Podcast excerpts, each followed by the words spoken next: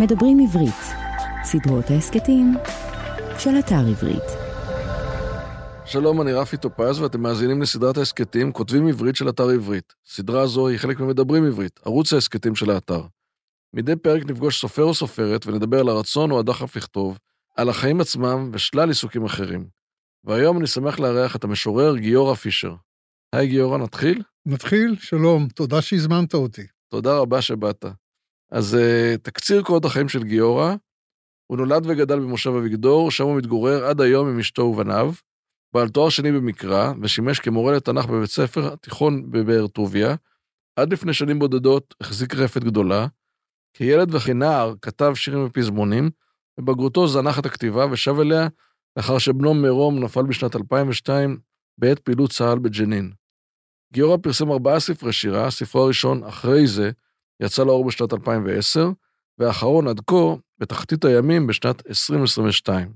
שיריו זכו לשבחים רבים, פורסמו במוספי תרבות וספרות של העיתונות הארצית, והם מוקראים ומצוטטים רבות באירועים וטקסים. גיורא זכה בפרס רמת גן לשירת ביקורים. שירות תפילה שכתב לזכרו של בנו מרום, הולחן ובוצע על ידי עומר קורן ונכלל באוסף שיר וזיכרון של רשת ג' באתר ynet. גיורא זכה בפרס ראש הממשלה לספרות על שם לוי אשכול לשנת 22.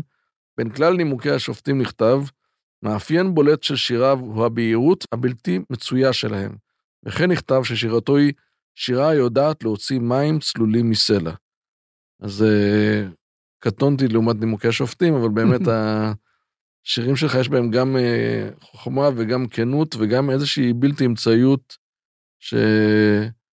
שלפעמים שקוראים שירה קשה קשה להבין לליבו של המשורר או לכוונותיו, ואצלך מצד אחד אה, תמיד יש לי תחושה שאני מבין למה התכוונת, ועדיין העומק וה... והיופי נמצא שם. אז אני חושב שבגלל זה כל כך נוגע לליבם של כל כך הרבה אנשים השירים שכתבת. תודה, אני באמת, אחת מהכוונות שלי כשהתחלתי לכתוב, הייתה באמת שהשירה שאני אכתוב, היא לא תהיה כתב חידה, כמו שאנחנו זוכרים די בסיוט משיעורי הספרות שהיינו בבית הספר, רציתי שאנשים יקראו, יבינו וימצאו את עצמם בתוך השיר. אני שמח שברוב המקרים הצלחתי. אני מודע לזה שיש סיכוי וסכנה שאם אתה כותב שירה פשוטה, היא יכולה להיות גם פשטנית.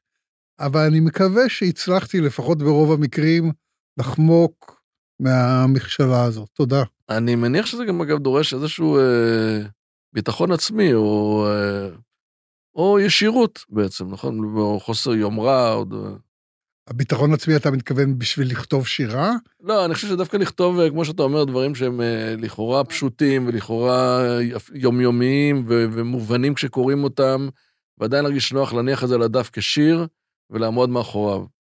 נכון, בייחוד מפני שאתה מאלץ אותי קצת להחמיא לעצמי, אבל אולי רק בשביל להסביר, באמת, אני משתדל להסתכל בלבן של העיניים של האמת, של עצמי, מתוך הנחה שאני לא כל כך מיוחד, והדברים הלא פשוטים, או המשמחים, או העצובים, שאני מוצא בעצמי, יהיו גם יתאימו, ואנשים ימצאו אותם שם בתוך המקום. יש שירים שהם לכאורה די אמיצים, אני חושב, אבל בסדר, לא טוב, לא אז... קרה לי כלום. אני אספר לך בסוד שאף אחד לא ישמע. הרווח שלי, לפחות היה בהתחלה, זה שאשתי לא קראה את השירים שלי. היא לא קראה את השירים שלי. קודם כל, היא גדלה באמריקה, כך שהעברית שלה לא הייתה במיוחד שיא השכלול, וגם בהתחלה, ובטח נדבר על זה בהמשך, חלק גדול מהשירים שכתבתי היו קשורים לנפילה של הבן, היא לא רצה להכאיב לעצמה. אחרי תקופה מסוימת, ניגשו אליה אנשים ואמרו לה, אוי, קראתי את השיר שהוא כתב עלייך, הוא מאוד יפה. ואז התחילה הנפילה שלי, כן? כי גם היא התחילה לקרוא את השירים, אבל זה בסדר. זה אומר שכשאתה כותב שיר, או שכתבת בעבר, הם התפרסמו לפני שמישהו אה, מישהו קרא אותם? לא היה לך איזושהי מין עין בוחנת? אה... העין הבוחנת שלי, הראשונה, הייתה אגי משעול, אבל לא בתור המשוררת אגיד משורר, אלא בתור חברה. אנחנו עבדנו שנים רבות בבית הספר, היא מורה לספרות ואני מורה לתנ"ך. היא הייתה מביאה לחדר המורים את השירים שלה עוד בכתב יד, עוד לפני עידן המחשב, ונתנה לנו, והיה לנו צוות מורים סופר מעולה, והיא התחשבה בדעתנו. כמובן, היא התפרסמה מאז, וכשאני התחלתי לכתוב, אז שלחתי לה, בזמנו זה עוד אפילו היה טרום המחשב, שלחתי לה בפקס את השירים, והיא הייתה מרוצה, היה לה ביקורת פה והיה לה ביקורת שם, הראיתי לה, ובעיקר הייתי מביא את השירים שכתבתי בבוקר לחדר המורים שלנו. כאמור, חדר המורים נהדר, עם גם מורים שהכירו וחלקם לימדו את uh, מרום, הייתי מראה להם, ואני זוכר, התגובה היה באמת אהבה ושמחה וזה, וכולנו אחר כך אמרנו, אני לא יודע אם מותר לי להגיד את הקללה העסיסית הערבית, ואמרנו, בוא נגיד את זה, נתרגם לעברית, לעזאזל, מי היה צריך את זה? כלומר, כיוון שזה נבע מהנפילה של מירון, כולנו יודעים שעד כמה שהשירים יכולים להיות יפים ונוגעים, עדיף היה לי ולעולם שמרום היה בלי השירים. ובואו באמת אה, ננסה לחזור לתחילת הדרך שלך. אוקיי. Okay. כילד. כן. ומעניין אותי, אני אוהב תמיד לשמוע על, אה, אם אתה זוכר את עצמך כילד, אה, מתי התחלת לקרוא, הדברים הראשונים שאהבת לקרוא, חוויות הקריאה הראשונות שלך. אוקיי, okay, אז uh, הכי מתאים שאני אקרא את השיר, קראתי, שכתבתי בדיוק על זה. נשמח. שיר מתוך אחרי זה. זה שיר שאני נותן בו הסבר קטן בהתחלה, כי היום מקבלים מתנות לבר מצווה, טיולים לחוץ לארץ וכל מיני דברים כאלה. אנחנו קיבלנו ספרים. אתם זוכר, אתה זוכר? או שאתה צעיר ממני, אבל... אני איך שהם בין לבין נראה לי. כן. רק ספרים קיבלנו לבר מצווה. אנציקלופדיות, ספרי מסעות, כל השאלות וכל התשובות, אלף אישים, ימים, רדפו אותי הילדים, עשו עליי חרם, קראו לי מסריח, הרביצו לי בכפר, קראתי. זרקו עליי אבנים בבית הספר, קראתי. מתחת החלון קיללו, קראתי. לא באו לבר מצווה, קראתי. וכשנגמרו הספרים בבית, זחלתי לספרייה וקראתי. את כל הספרים קראתי. גם למבוגרים קראתי, עד שנגמרו כולם, ולא נשאר למי לקרוא לעזרה. אז מהשיר הזה, אתה מבין שקראתי המון, קראתי את הכל. אני יודע כשאני אה, קורא את השיר, אנשים באמת נשארים בדממה, ואז גם בגלל טבעי, אני צריך לספר שהיה כאילו happy end לסיפור. ואני אספר אותו, למרות שהפצע היה קיים וחיכה, ואני בטוח שהוא השפיע על אופי, אבל בזמנו, הבית ספר היסודי היה מכיתה א' עד ח'. חלק גדול מהתלמידים לא המשיכו לתיכון, כי התיכון עלה כסף, הרבה כסף, ובכיתה ח' עשו מה שנקרא סקר לכל ילדי הארץ, ועשו מבחן ידיעות, ומי שהצליח במבחן ועבר אותו, קיבל כסף לתיכון, ומי שלא, לא. היום בדיעבד אנחנו יודעים כמה ילדים מוכשרים שלא היה להם כסף לקרוא ולדעת וכל הדברים האלה, לא המשיכו אה, לתיכון. אבל אני, שלא הייתי חכם גדול, גם היום אני לא חכם גדול, אבל קראתי כל כך הרבה, הצלחתי. וגם המיון בתיכון אז היה מיון אכזרי. אני יכול לספר לך שאני זוכר את זה, שהתחלנו את ט' אחת, 35 תלמידים, והגענו לכיתה י"ב, לבגרות, 18 תלמידים. כל היתר סולקו בדרך, הם לא עמדו ברמה של להיות uh, לבגרות, חלק הלכו למגמות, מה שנקרא, מקצועיות וזה. מדהים. כן. אבל בכל זאת, אם אני חוזר לשיר, נשים רגע בצד את ההפי אנד, כן. ומה שאתה מדבר עליו, באמת הבדידות והשונות אולי שגרמה כן. ל... זה, זה קשור לקריאה, או זה מה שהוביל לקריאה, או זה האופי? זאת אומרת, אתה מסתכל על ה... תראה, עליך ברור בתור לי, ילד? ברור לי בדיעבד שזה הביא לקריאה האובססיבית, כן? כלומר, הבדידות והרצון אה, הרצון לקרוא, זו הייתה הדרך אה, להימלט מהמצב. אה, תן לי לספר את האפי-הנד, כן, שבכיוון שהייתי תלמיד מצטיין בתיכון, כי ידעתי הרבה, עוד פעם אני אומר, באמת לא בגלל חוכמתי הרבה, בגלל שידעתי כי קראתי את כל הדברים, וכמו שסיפרתי, היה מיון מאוד רציני, היה משתלם להיות חבר שלי בתיכון, לשבת לידי, להעתיק ממני במבחנים, כל הדברים האלה, אז זה כאילו הפי אנד. כן. והקריאה, אה, באמת הרציפה לכל אורך שנות הלימודים, מתי חיברת אליה את הרעיון של גם לכתוב, והרצון לכתוב? הרצון לכתוב לא היה קיים. לא כתבתי. כתבתי על מסיבת סיום, או למסיבות בצבא, לסיום קורס מ"כי, אם אני זוכר, כתבתי כמה פזמונים. מיש, אם אני מסתכל, לא מזמן אחד מהתלמידים שלי מצא את עיתוני הבית ספר של הבית ספר היסודי, והוא הביא לי משם שירים שגיורא פישר מכיתה ו'2 כתב שם שירים. אני מסתכלתי וחריזה לא רעה הייתה שם, כן?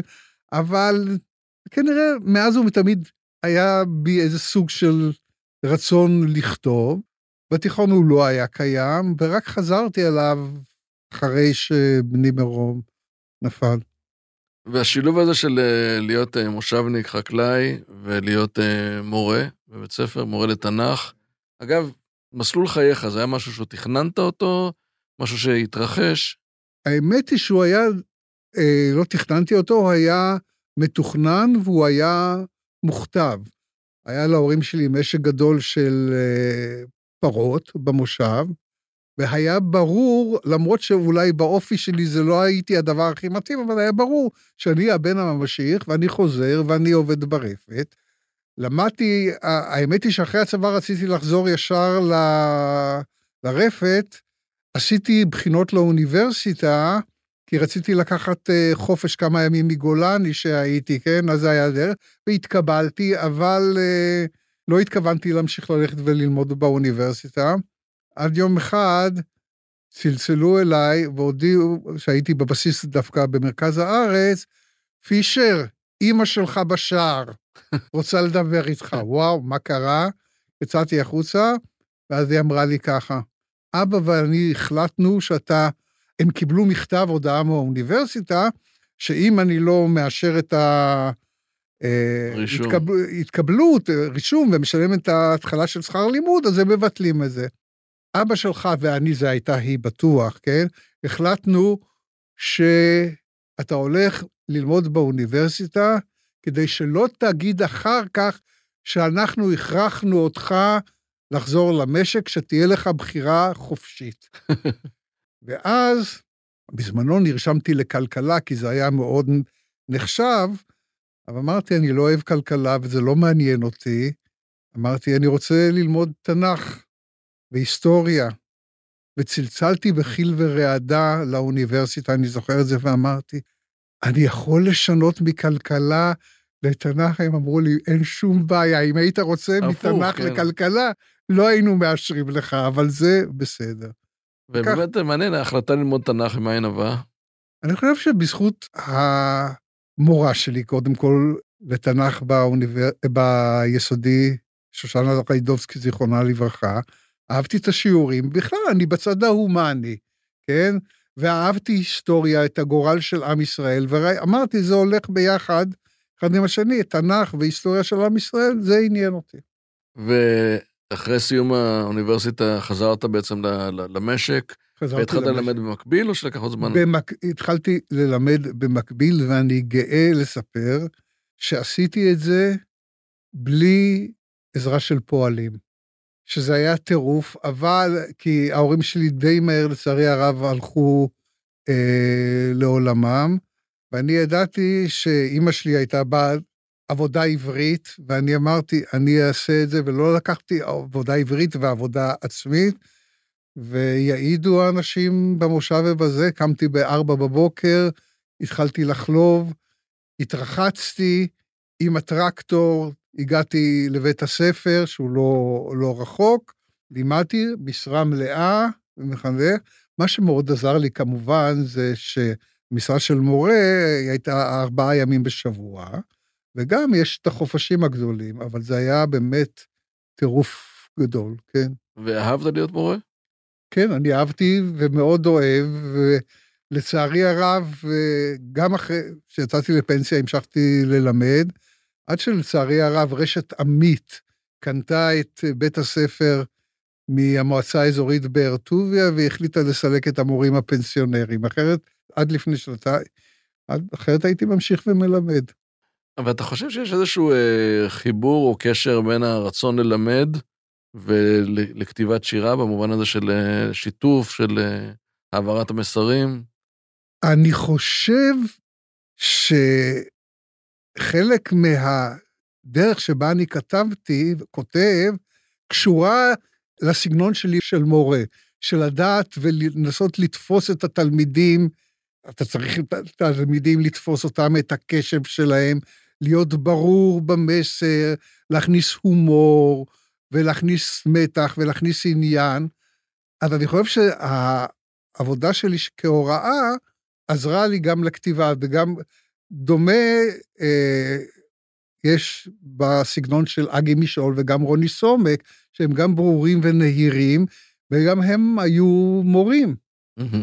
ואם נדבר באמת על, על תחילת כתיבת השירה, אתה זוכר איך זה קרה? איך, איך נכתב השיר הראשון, או מה הוביל כן. לכתיבת השיר הראשון? אה, הייתי מספר לך את הסיפור, שאני אספר אותו בהמשך, אבל בדרך לכאן פתאום תפסתי שהשיר הראשון היה בשלושים למירום, לנפילתו של מירום, שהיה צריך לשים מצבה, ושאלו אותנו מה לכתוב על המצבה. ואני חיפשתי איזשהו דרך שהכי תתאר את מירום, שהיה אוהב גדול של הארץ, היה מדריך וחבר בחברה להגנת הטבע, סייר בארץ, אהב את הדרכים ואת השבילים ואת הצמחים, וגם הדריך ועשה את זה.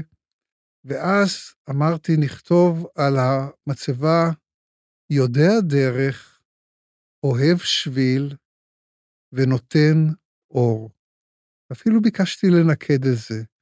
ובדיעבד, אם אני חושב שזה אולי השיר הראשון שאני כתבתי. הסיפור שאני בדרך כלל מספר אותו... גם אני רציתי להגיד לך שזה נשמע לי בהתחלה כמו ציטוט, אבל זה אתה כתבת. זה אני, זה אני, כת, זה אני כתבתי ותיארתי בזה את uh, מרום. השיר הראשון ממש שכתבתי, אני, אני זוכר את הסיפור. מבצע חומת מגן, אם מישהו זוכר, התחיל מהסיפור של מלון פארק, שרצחו שם בנתניה, אה, פלסטינאים רצחו את יושבי המלון במל... במלון פארק, ואני זוכר, אנחנו ישבנו והיינו בליל הסדר אצל אחותי, יחד עם מרום שהיה בחופשה קצרה מהצבא, ואז באמצע היה טלפון של שני, חברה של מרום, ומרום, היא אמרה לו, שמעת מה קרה?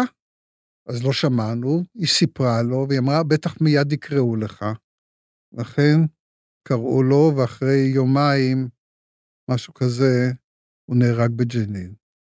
שנה לאחר מכן הרגשנו שאנחנו לא יכולים לעשות את ליל הסדר בארץ, באותו מקום. ונסענו למקום האהוב ביותר על אשתי, זה איטליה, ונסענו לפירנצה, ושם עשינו ליל סדרים אה, בקהילה של חב"ד, ובלילה, פתאום באמצע הלילה, הראש שלי התחיל לכתוב שיר. ולא ישנתי כל הלילה, ובבוקר כתבתי אותו, וכשהגענו לארץ שלחתי את זה אותו לאגי, והיא החזירה לי והיא כתבה לי, זה שיר, ועשתה כמה מחיקות, ואני נורא שמחתי. למה? כי ידעתי שאגי, אפילו שאנחנו חברים, התייחסה אל זה כמו שיר של מישהו שהיא לא מכירה, ואפילו שהיא הכירה את מירום, היא הייתה המורה של שני, עשתה מחיקות, והשיר מדבר על הזה הזה, לא עשתה רחמים. וככה היה השיר הזה, השיר הראשון. אחרי זה לא כתבתי הרבה זמן, וחשבתי, שיר שיר. ואחרי כשנה התחיל פרץ של כתיבה, באמת, שנמשך עד לפני כשנתיים, שלוש. שנתיים האחרונות אני כותב מעט מאוד, אבל לא אכפת לי כל כך, אני שמח, אני אוהב לכתוב, אבל אני שמח שהמטרה שלשמה כתבתי הצליחה, ועכשיו מה שאני מקבל זה בונוס. והכתיבה, אותו פרט כתיבה, אתה הרגשת שהוא עוזר לך, אתה לא יכול אה, שלא לכתוב, אה, הנושאים של השירים... אה, תראה, בהתחלה, כאילו, הייתי קצת, התרגזתי על שאלות מהסוג הזה, כי לכאורה רמזו שהכתיבה היא סוג של כתיבה תרפויטית, ובתור קורא של ספרות וקורא של שירה ושל זה, אני יודע שכתיבה תרפויטית, בדרך כלל כשאנשים שהם לא מיומנים על הדבר הזה, היא טובה על הנפש של הכותב, אבל uh, היא פחות מעניינת ו... uh, למי שקורא אותה. אז תראה, אני מניח שהכתיבה עזרה, אני לא חושב שהיא עזרה מהבחינה של מרום, האבל, אבל היא עזרה בגלל שהיא נתנה לי איזושהי דרך חדשה ודבר להתעסק בו מאוד, ואיזה כיוון... אה, כן. אבל אני שואל דווקא במובן הזה שכשקראתי את השירים, יש הרבה שירים באמת שהם... נכון. מנושאים שונים ומגוונים. נכון, אז באמת השירה, התחלתי את, ה, את הכתיבה, באמת, בהתחלה שירים שהיו קשורים באמת לנושא של השכול וזה, ואחר כך עברתי לכתוב מה שאני קורא כתיבה רגילה על החיים הנורמליים הרגילים. ואני שמח שגם זה מצליח מאוד, ואנשים קוראים ומעבירים, ובטלוויזיה וברשתות, ובזה זה נהדר. לפעמים באמת יש משהו שמציק לי, ואני מבין איפה זה בא באופן טבעי, ואני יכול לכתוב על פרח בשדה, פורח ושמש אביבית, ואנשים ימצאו שכול בתוך הדבר, כי בראש שלהם מונח, הרבה פעמים כשהם קוראים גיורא פישר, אז בראש שלהם מונח הנושא של השכול, ובלי רצון הם מוצאים את זה בתוך השיר. אותי זה מעצבן, כן? כי אני אומר, תקראו מה שכתוב בשיר. אם אני ארצה שזה יהיה קשור, אני ארמוז על זה בתוך השיר, אבל אני אני מתרגז, אבל אני מבין מאיפה זה בא. אני שמח רק שיש היום המון המון המון קוראים שלא מקשרים דווקא אותי עם הנושא הזה. אני חושב שזה קצת מתחבר גם למה ש... שמעתי כבר כמה סופרים שאומרים שכשאתה קורא, תחפש את עצמך בספר ולא את הכותב. ובאיזשהו מובן, כשאתה קורא את השיר, אז תראה איך הוא נוגע לך ומה הוא מפעיל אצלך ומה אתה מרגיש, ולא תהיה עסוק במה דווקא היו כוונותיו של המשורר. זאת אומרת, זה אולי יכול לעזור לך להבין טוב יותר עבורך, אבל זה... נכון, זה, זה הדבר הנכון, וככה צריך להיות. אני שמח שבעת האחרונה, בדרך כלל, זה מה שקורה. אני מבין אבל זה, אתה יודע, כאשר אתה רואה את השם גיאו פישר והפריט האינפורמציה הזה, אה, ככה מונח, היום מונח, אז קורה. אז אני כבר פונה לכל הקוראים, תקראו מה שכתוב בשיר. וכמו שאמרת, תחפשו את עצמכם, ולא את ההיסטוריה. אני מבטיח לכם שאם אני אכתוב ואני ארצה, אתם תדעו. ועוד דבר שאני מאוד אה, אה, אהבתי בשירים, יש משהו אוניברסלי שאתה מוצא את, את הרגעים הקטנים ואת החוויות ואת התיאורים, לאו דווקא, לאו דווקא בשביל בארץ, אלא גם מחוץ לארץ, ואתה רואה את האדם באשר הוא אדם, ואתה רואה את נכון. הסיטואציה באשר היא סיטואציה. ומין איזה משהו שהוא חוצה גבולות וחוצה שפות גם. גם. תודה, קודם כל, ובאמת אני מאוד שמח. אני, אני יכול אפילו, אה, אני מבקש לקרוא שיר שפותח את אה, אחרי זה, ואני זוכר מתי אני כתבתי אותו. כשישבנו ברומא, כן? איטליה זה המקום שלנו. ישבנו ברובע, ישבנו באיזה בית קפה, והסתכלנו על הרחוב, על אנשים שעוברים. ואתה אומר, איטליה, היש מקום יותר יפה ומאושר מזה? פסטות, טרנטלות, שמחה וששון וזה.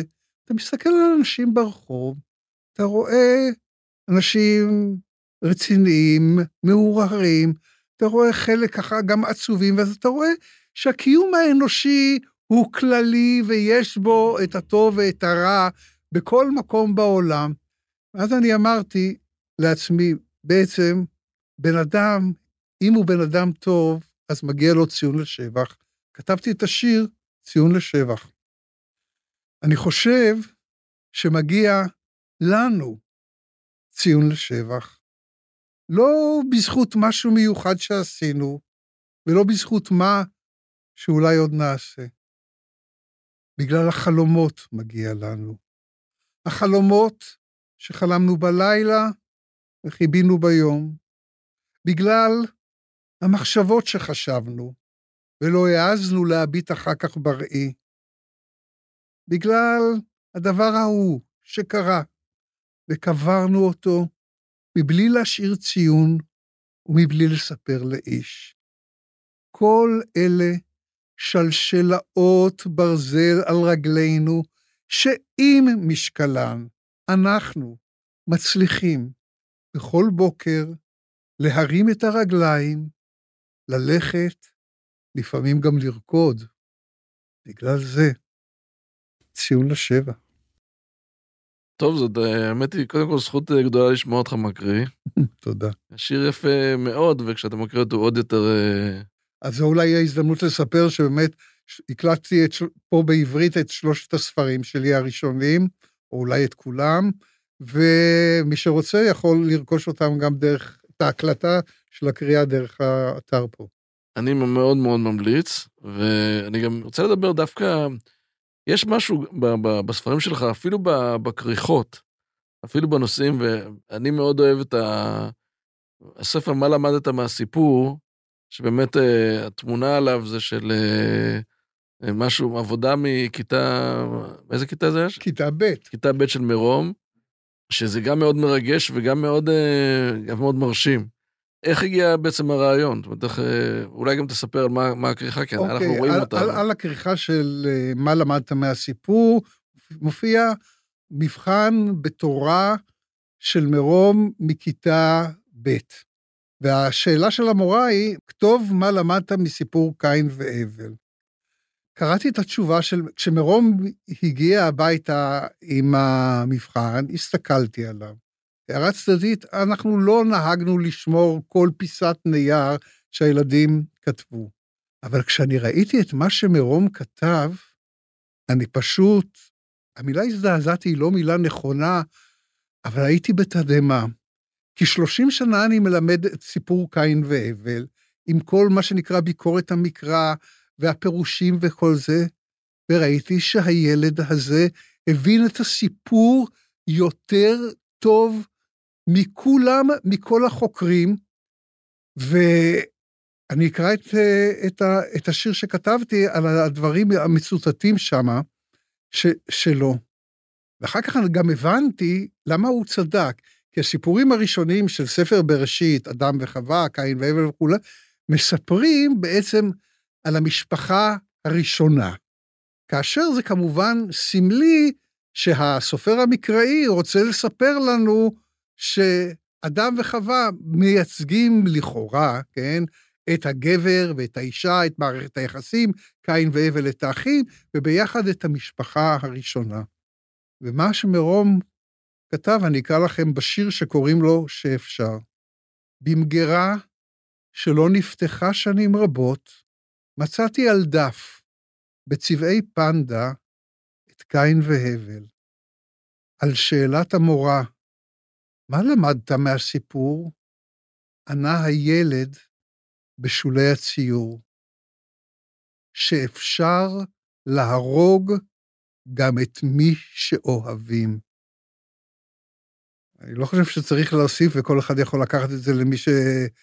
למקום שלו, אבל אנחנו יודעים שבאמת הרגשות העזים ביותר נמצאים בתוך המשפחה, והסיפור המקראי מלמד אותנו לאיפה זה יכול להוביל. כשאתה כותב שירים, כשכתבת, ואני, אני, אתה יודע, אתה אומר שאתה עכשיו באיזושהי תקופה אה, יותר אה, רגועה, כן. זה מגיע כסוג איזשהו פרץ, אה, כן. איזושהי מחשבה שיש לך, כמו שאתה מתאר את הישיבה הזאת בכיכר ברומא, ואתה מסתכל פתאום על. מין איזה פרספקטיבה שלא הייתה לך רגע קודם, ואתה מרגיש שאתה רוצה לכתוב אותה. בדיוק לזה התכוון המשורר. בדיוק אתה מתאר את זה. זאת אומרת, כאשר, בוא נגיד ככה, אני, אני שני דברים. אני גיורא פישר, אבל אני גם איזשהו מביט מהצד. אני חושב שזאת תכונה שנוצרה לי באותה תקופה שרדפו אחריי והיכו אותי והביצו לי, כדי לשרוד באיזושהי צורה מבחינה נפשית, הייתי צריך להוציא את עצמי החוצה וגם להסתכל מהצד על הדברים. אז, אה, ואני חושב שאותה תכונה חזרה אליי אחרי שמרום נפל, כדי לא למות, כש, מה שהייתי צריך כשקיבלתי את ההודעה, משהו בי זז גם הצידה והסתכל מבחוץ על גיורא. וזה מביא אותי באמת להסתכל על עצמי ועל העולם, העולם האנושי, בעיקר כי זה מה שמעניין אותי. ואז אני מסתכל ואני אומר, אופס, זה היה לפני העיניים, אבל לא ראיתי את זה, ועל זה אני כותב. זה נכון מאוד להגיד שיש פה גם מרכיב של שונות, של כן. שונות מהסביבה שנותנת, אולי, לא יודע אם אובייקטיביות, אבל הסתכלות מבחוץ, כן, וגם העובדה של מישהו שכותב שבעצם באיזשהו מקום הוא אף פעם לא בטוח במקום שלו, ויש איזשהו מין חיפוש מתמיד על מקום. יכול להיות, על זה לא חשבתי, אני אשלם לך על פסיכולוגיה בסוף התוכנית. כן? לא, אני חושב את זה לא, לא דווקא. חושב בכלל שאנשים כותבים באיזשהו מקום, יש איזשהו צורך ל... להגדיר, למצוא, לסדר, לבנות כן. עולם, לדעת איפה אתה נמצא. כן. טוב, אה, ננסה לעבור לשאלון קצר, ככה יותר, אה, יותר מהיר. אה, אבל כן. אני, אגב, אני אשמח, אה, אתה יודע, דיברנו בשאלות, אבל אם יש שיר או שירים שאתה רוצה לקרוא, אני אשמח. אני, כן, י- יש שיר, שיר שכאילו מתאים לימים אלה, זה נורא מוזר. ושם השיר הוא מפגיזים אותנו מעזה. אבל זה שיר שהוא די מצחיק. עכשיו, בין השירים שלי יש שניים שמאוד מאוד התפרסמו. אחד הוא השיר תפילה, שהוא באמת אה, שיר לזיכרון, והשיר מפגיזים אותנו מעזה. עכשיו, הסיפור הוא שב-2012, אני כבר לא זוכר איזה מבצע זה היה, אבל בדיוק לפני זה התחלנו אה, לשפץ את הבית שלנו אחרי 40 שנה, החלטנו לעשות אה, שיפוצים. מה עושים שיפוצים? מכניסים את כל הריהוט שלנו לממ"ד. עכשיו, הממ"ד שלנו הוא מחוץ לבית, כי הבית הוא בית אה, גמור, וכשאנחנו בנינו אותו, זה היה עוד לפני התקופה שהיה חובה שיהיה אה, ממ"ד. אני זוכר גם בזמנו עשו מבצע במושב של כולם לעשות ממ"דים, ואני לא רציתי, כי אמרתי, מפגיזים את שדרות, אבל את אביגדור, מי ומה, ומה פתאום, אבל אשתי הסתכלה עליי ככה ואמרתי, עדיף להוציא 150 אלה ולא אראה את המבט של אשתי אם חס וחלילה יקרה ושיהיה משהו. אז עשינו שיפוץ בבית גדול, ואת כל הרהיטים שמנו בתוך הממ"ד הגדול. ומה שקרה אז, שמישהו כנראה לא אהב את uh, גיורא פישר, והחליטו להפגיז איפה? את מושב אביגדור. שלושה פגזים נפלו במרחק של 200 מטר מהבית שלי, וברוך השם לא קרה שום דבר, אבל אני הייתי עם הפועלים הערבים, שהם פועלים מיהודה ומשומרון, שעבדו יחד עם הקבלן, ואנחנו נכנסים לתוך הממ"ד המלא רהיטים. תרשו לי לקרוא את השיר, מפגיזים אותנו מעזה. אני והפועלים הערבים תקועים בממ"ד. נאדר, זה הצבאי היה. נאדר ואני דחוסים אגן מול אגן, ולא מצליחים להחליט האם לא נכון יותר להסתובב ולהפנות אחד לשני את התחת. אני אומר לעצמי, איזה זין, והוא ממלמל כוס אוכטו. ככה זה היה. דרך אגב, כשיצאנו משם, אחר כך הוא התנצל בפניי ואמר שאני לא אחשוב שאת הכוס אוכטו זה עליי, אלא כוס אוכטו זה על האלה מעזה, והסתבר לי אחר כך בדיעבד, שאין יחסים כל כך טובים בין הערבים של יהודה ושומרון ואלה של עזה. בדיעבד, אני הבנתי שהסיטואציה היא סימבולית או מטאפורית ליחסים שלנו עם הערבים, שאנחנו דבוקים אחד לשני, ככה הגן מול הגן, והאם לא צריך להפריד ולהפנות אחד לשני את התחת. דרך אגב, בהקשר הזה, אתה יודע, יש לך פרספקטיבה כבר של די הרבה שנים. אפילו העובדה שאתה, ההורים שלך מקימי אביגדור, ואתה נכון. גדלת שם, ו... ואתה שם עדיין. ו... והמשפחה והילדים, איך, איך אתה מסתכל על מצבנו? זאת אומרת שאתה, זה ברור שזאת שאלה גדולה וכבדה, אבל בכל זאת איזו פרספקטיבה של כל כך הרבה שנים. אז ככה, אני אצטט לך את אשתי, שאומרת, גיורא אין לו שום דבר בראש, אותי לא, לא, לא מטריד, כלומר, אני אגיד, אני מדבר בשיא הכנות, זאת אומרת, אני לא, שאלות קיומיות מהסוג הזה, אני לא חושב עליהן. אני לא חושב עליהן. תשאל מה הילדים שלי, אז, ואשתי, אשתי מפחדת באופן טבעי ממה שקורה, ואת הילדים שלי אני לא כל כך מאושר שאני שומע מה דעתם. אני רוצה רק להגיד לך שבאמת מה שקרה זה אסון איום ונורא, והאסון הגדול, חוץ מהאובדן של האנשים, זה האובדן אמון שלנו בצבא ובמערכת ובשלטון. כלומר, אתה... אני לא רוצה שהילדים שלי יעזבו את הארץ בשום פנים, גם בגלל הקורבן שהקרבנו, אבל אחרי ביזיון כזה גדול, אי אפשר לבוא בטענות למי שמחליט משהו אחר. זאת אומרת, אתה מזהה פה בעצם סוג של שבר שלא היינו בו קודם. מעבר נכון, לבאמת כן. אסון והקטסטרופה הנוראה שאנחנו לא מצליחים כן, להתאושש ממנה. כן, כן. תהיה מוכן לקרוא לנו את תפילה? כן. אני יודע שזה שיר שכולם מכירים, אבל בכל זאת... כולם uh... מכירים, ואני אספר שיש ערב שאני עושה, כשמזמינים, מוזמנים להזמין אותי, אני ושני, שני, שהייתה חברה של מרום, אה, היא כבר היום דוקטור, היא עשתה דוקטורט במדעי החברה, אבל היא אה, זמרת יוצאת מן הכלל, ככה גיליתי אותה במקרה, שהופעתי עם זמרת אחרת קודם, והשתתפתי בטקס שהזמינה אותנו של חברות שכולות, יש דבר כזה, והיום יש הרבה דבר כזה. שמעתי אותה שרה כל כך יפה, אמרתי, למה אני צריך, בוא נהיה ביחד. שאני נשואה ויש לה שני ילדים, ואנחנו מופיעים ביחד. וזהו, שאת השיר תפילה אני לא קורא בערבים שלנו, כי הוא שיר כל כך אישי וכל כך פרטי, ויש לי איזושהי תחושה שברגע שאני קורא אותו לפני אנשים, הוא יוצא מהתחום האישי, וזה שיר שהוא רק צריך להיות בין הקורא ובינו. אז אפשר, אגב, אם אתה רוצה, אז אפשר לשאול את זה ככה. אתה יודע מה, אז אני מוותר. כי אני מרגיש שכל דבר שאני אקרא אותו, הוא, הוא לוקח משהו מהשיר, ולא... אז אני מז, מזמין את המאזינות ומאזינים לקרוא את זה, את השיר תפילה. נכון. טוב, אז בואו ננסה לעשות איזשהו מעבר. אוקיי. וללכת לשאלון קצר. בוקר או ערב? אני בוקר.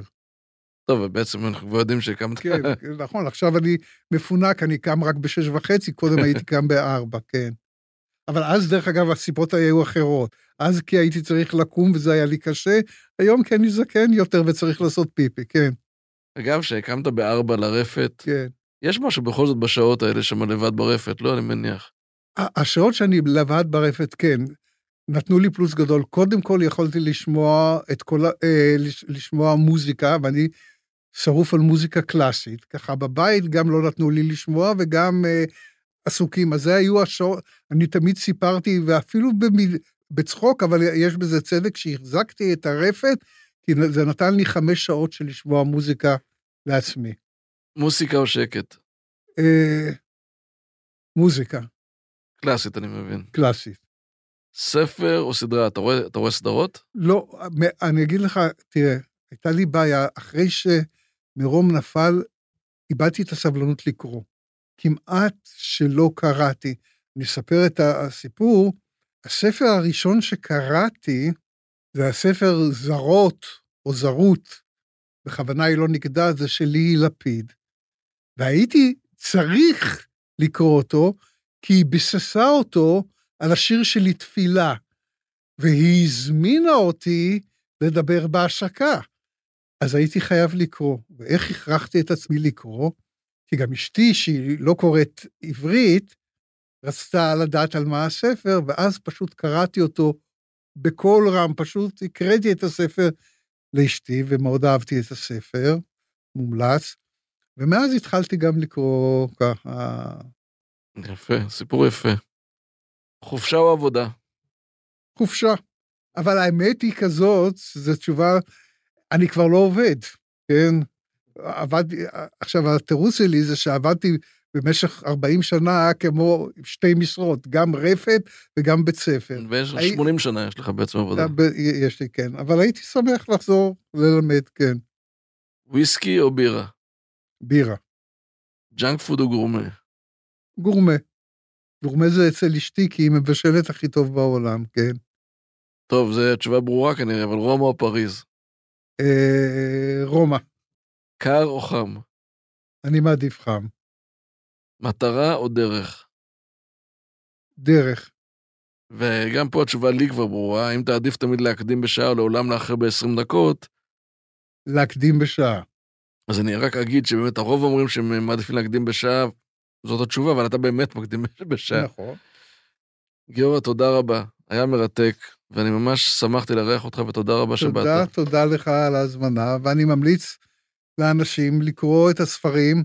אחרי זה, צירי חיים, מה למדת מהסיפור, ובתחתית הימים. האזנתם לכותבים עברית, סדרת ראיונות עם סופרות וסופרים במסגרת ערוץ ההסכתים של אתר עברית.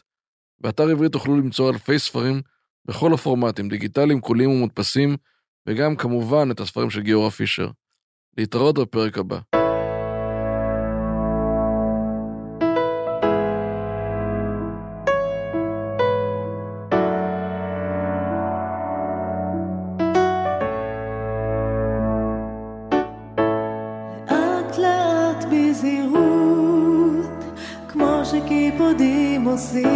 אהבה, אני מרשה לשמחה להיכנס, לא בבת אחת שלא תיבהל, לא בקלות שלא תחשוב ששכחתי, מגניבה אותה מאחור, שלא תנעצו בעיניים, ולא תמחאו לה כפיים,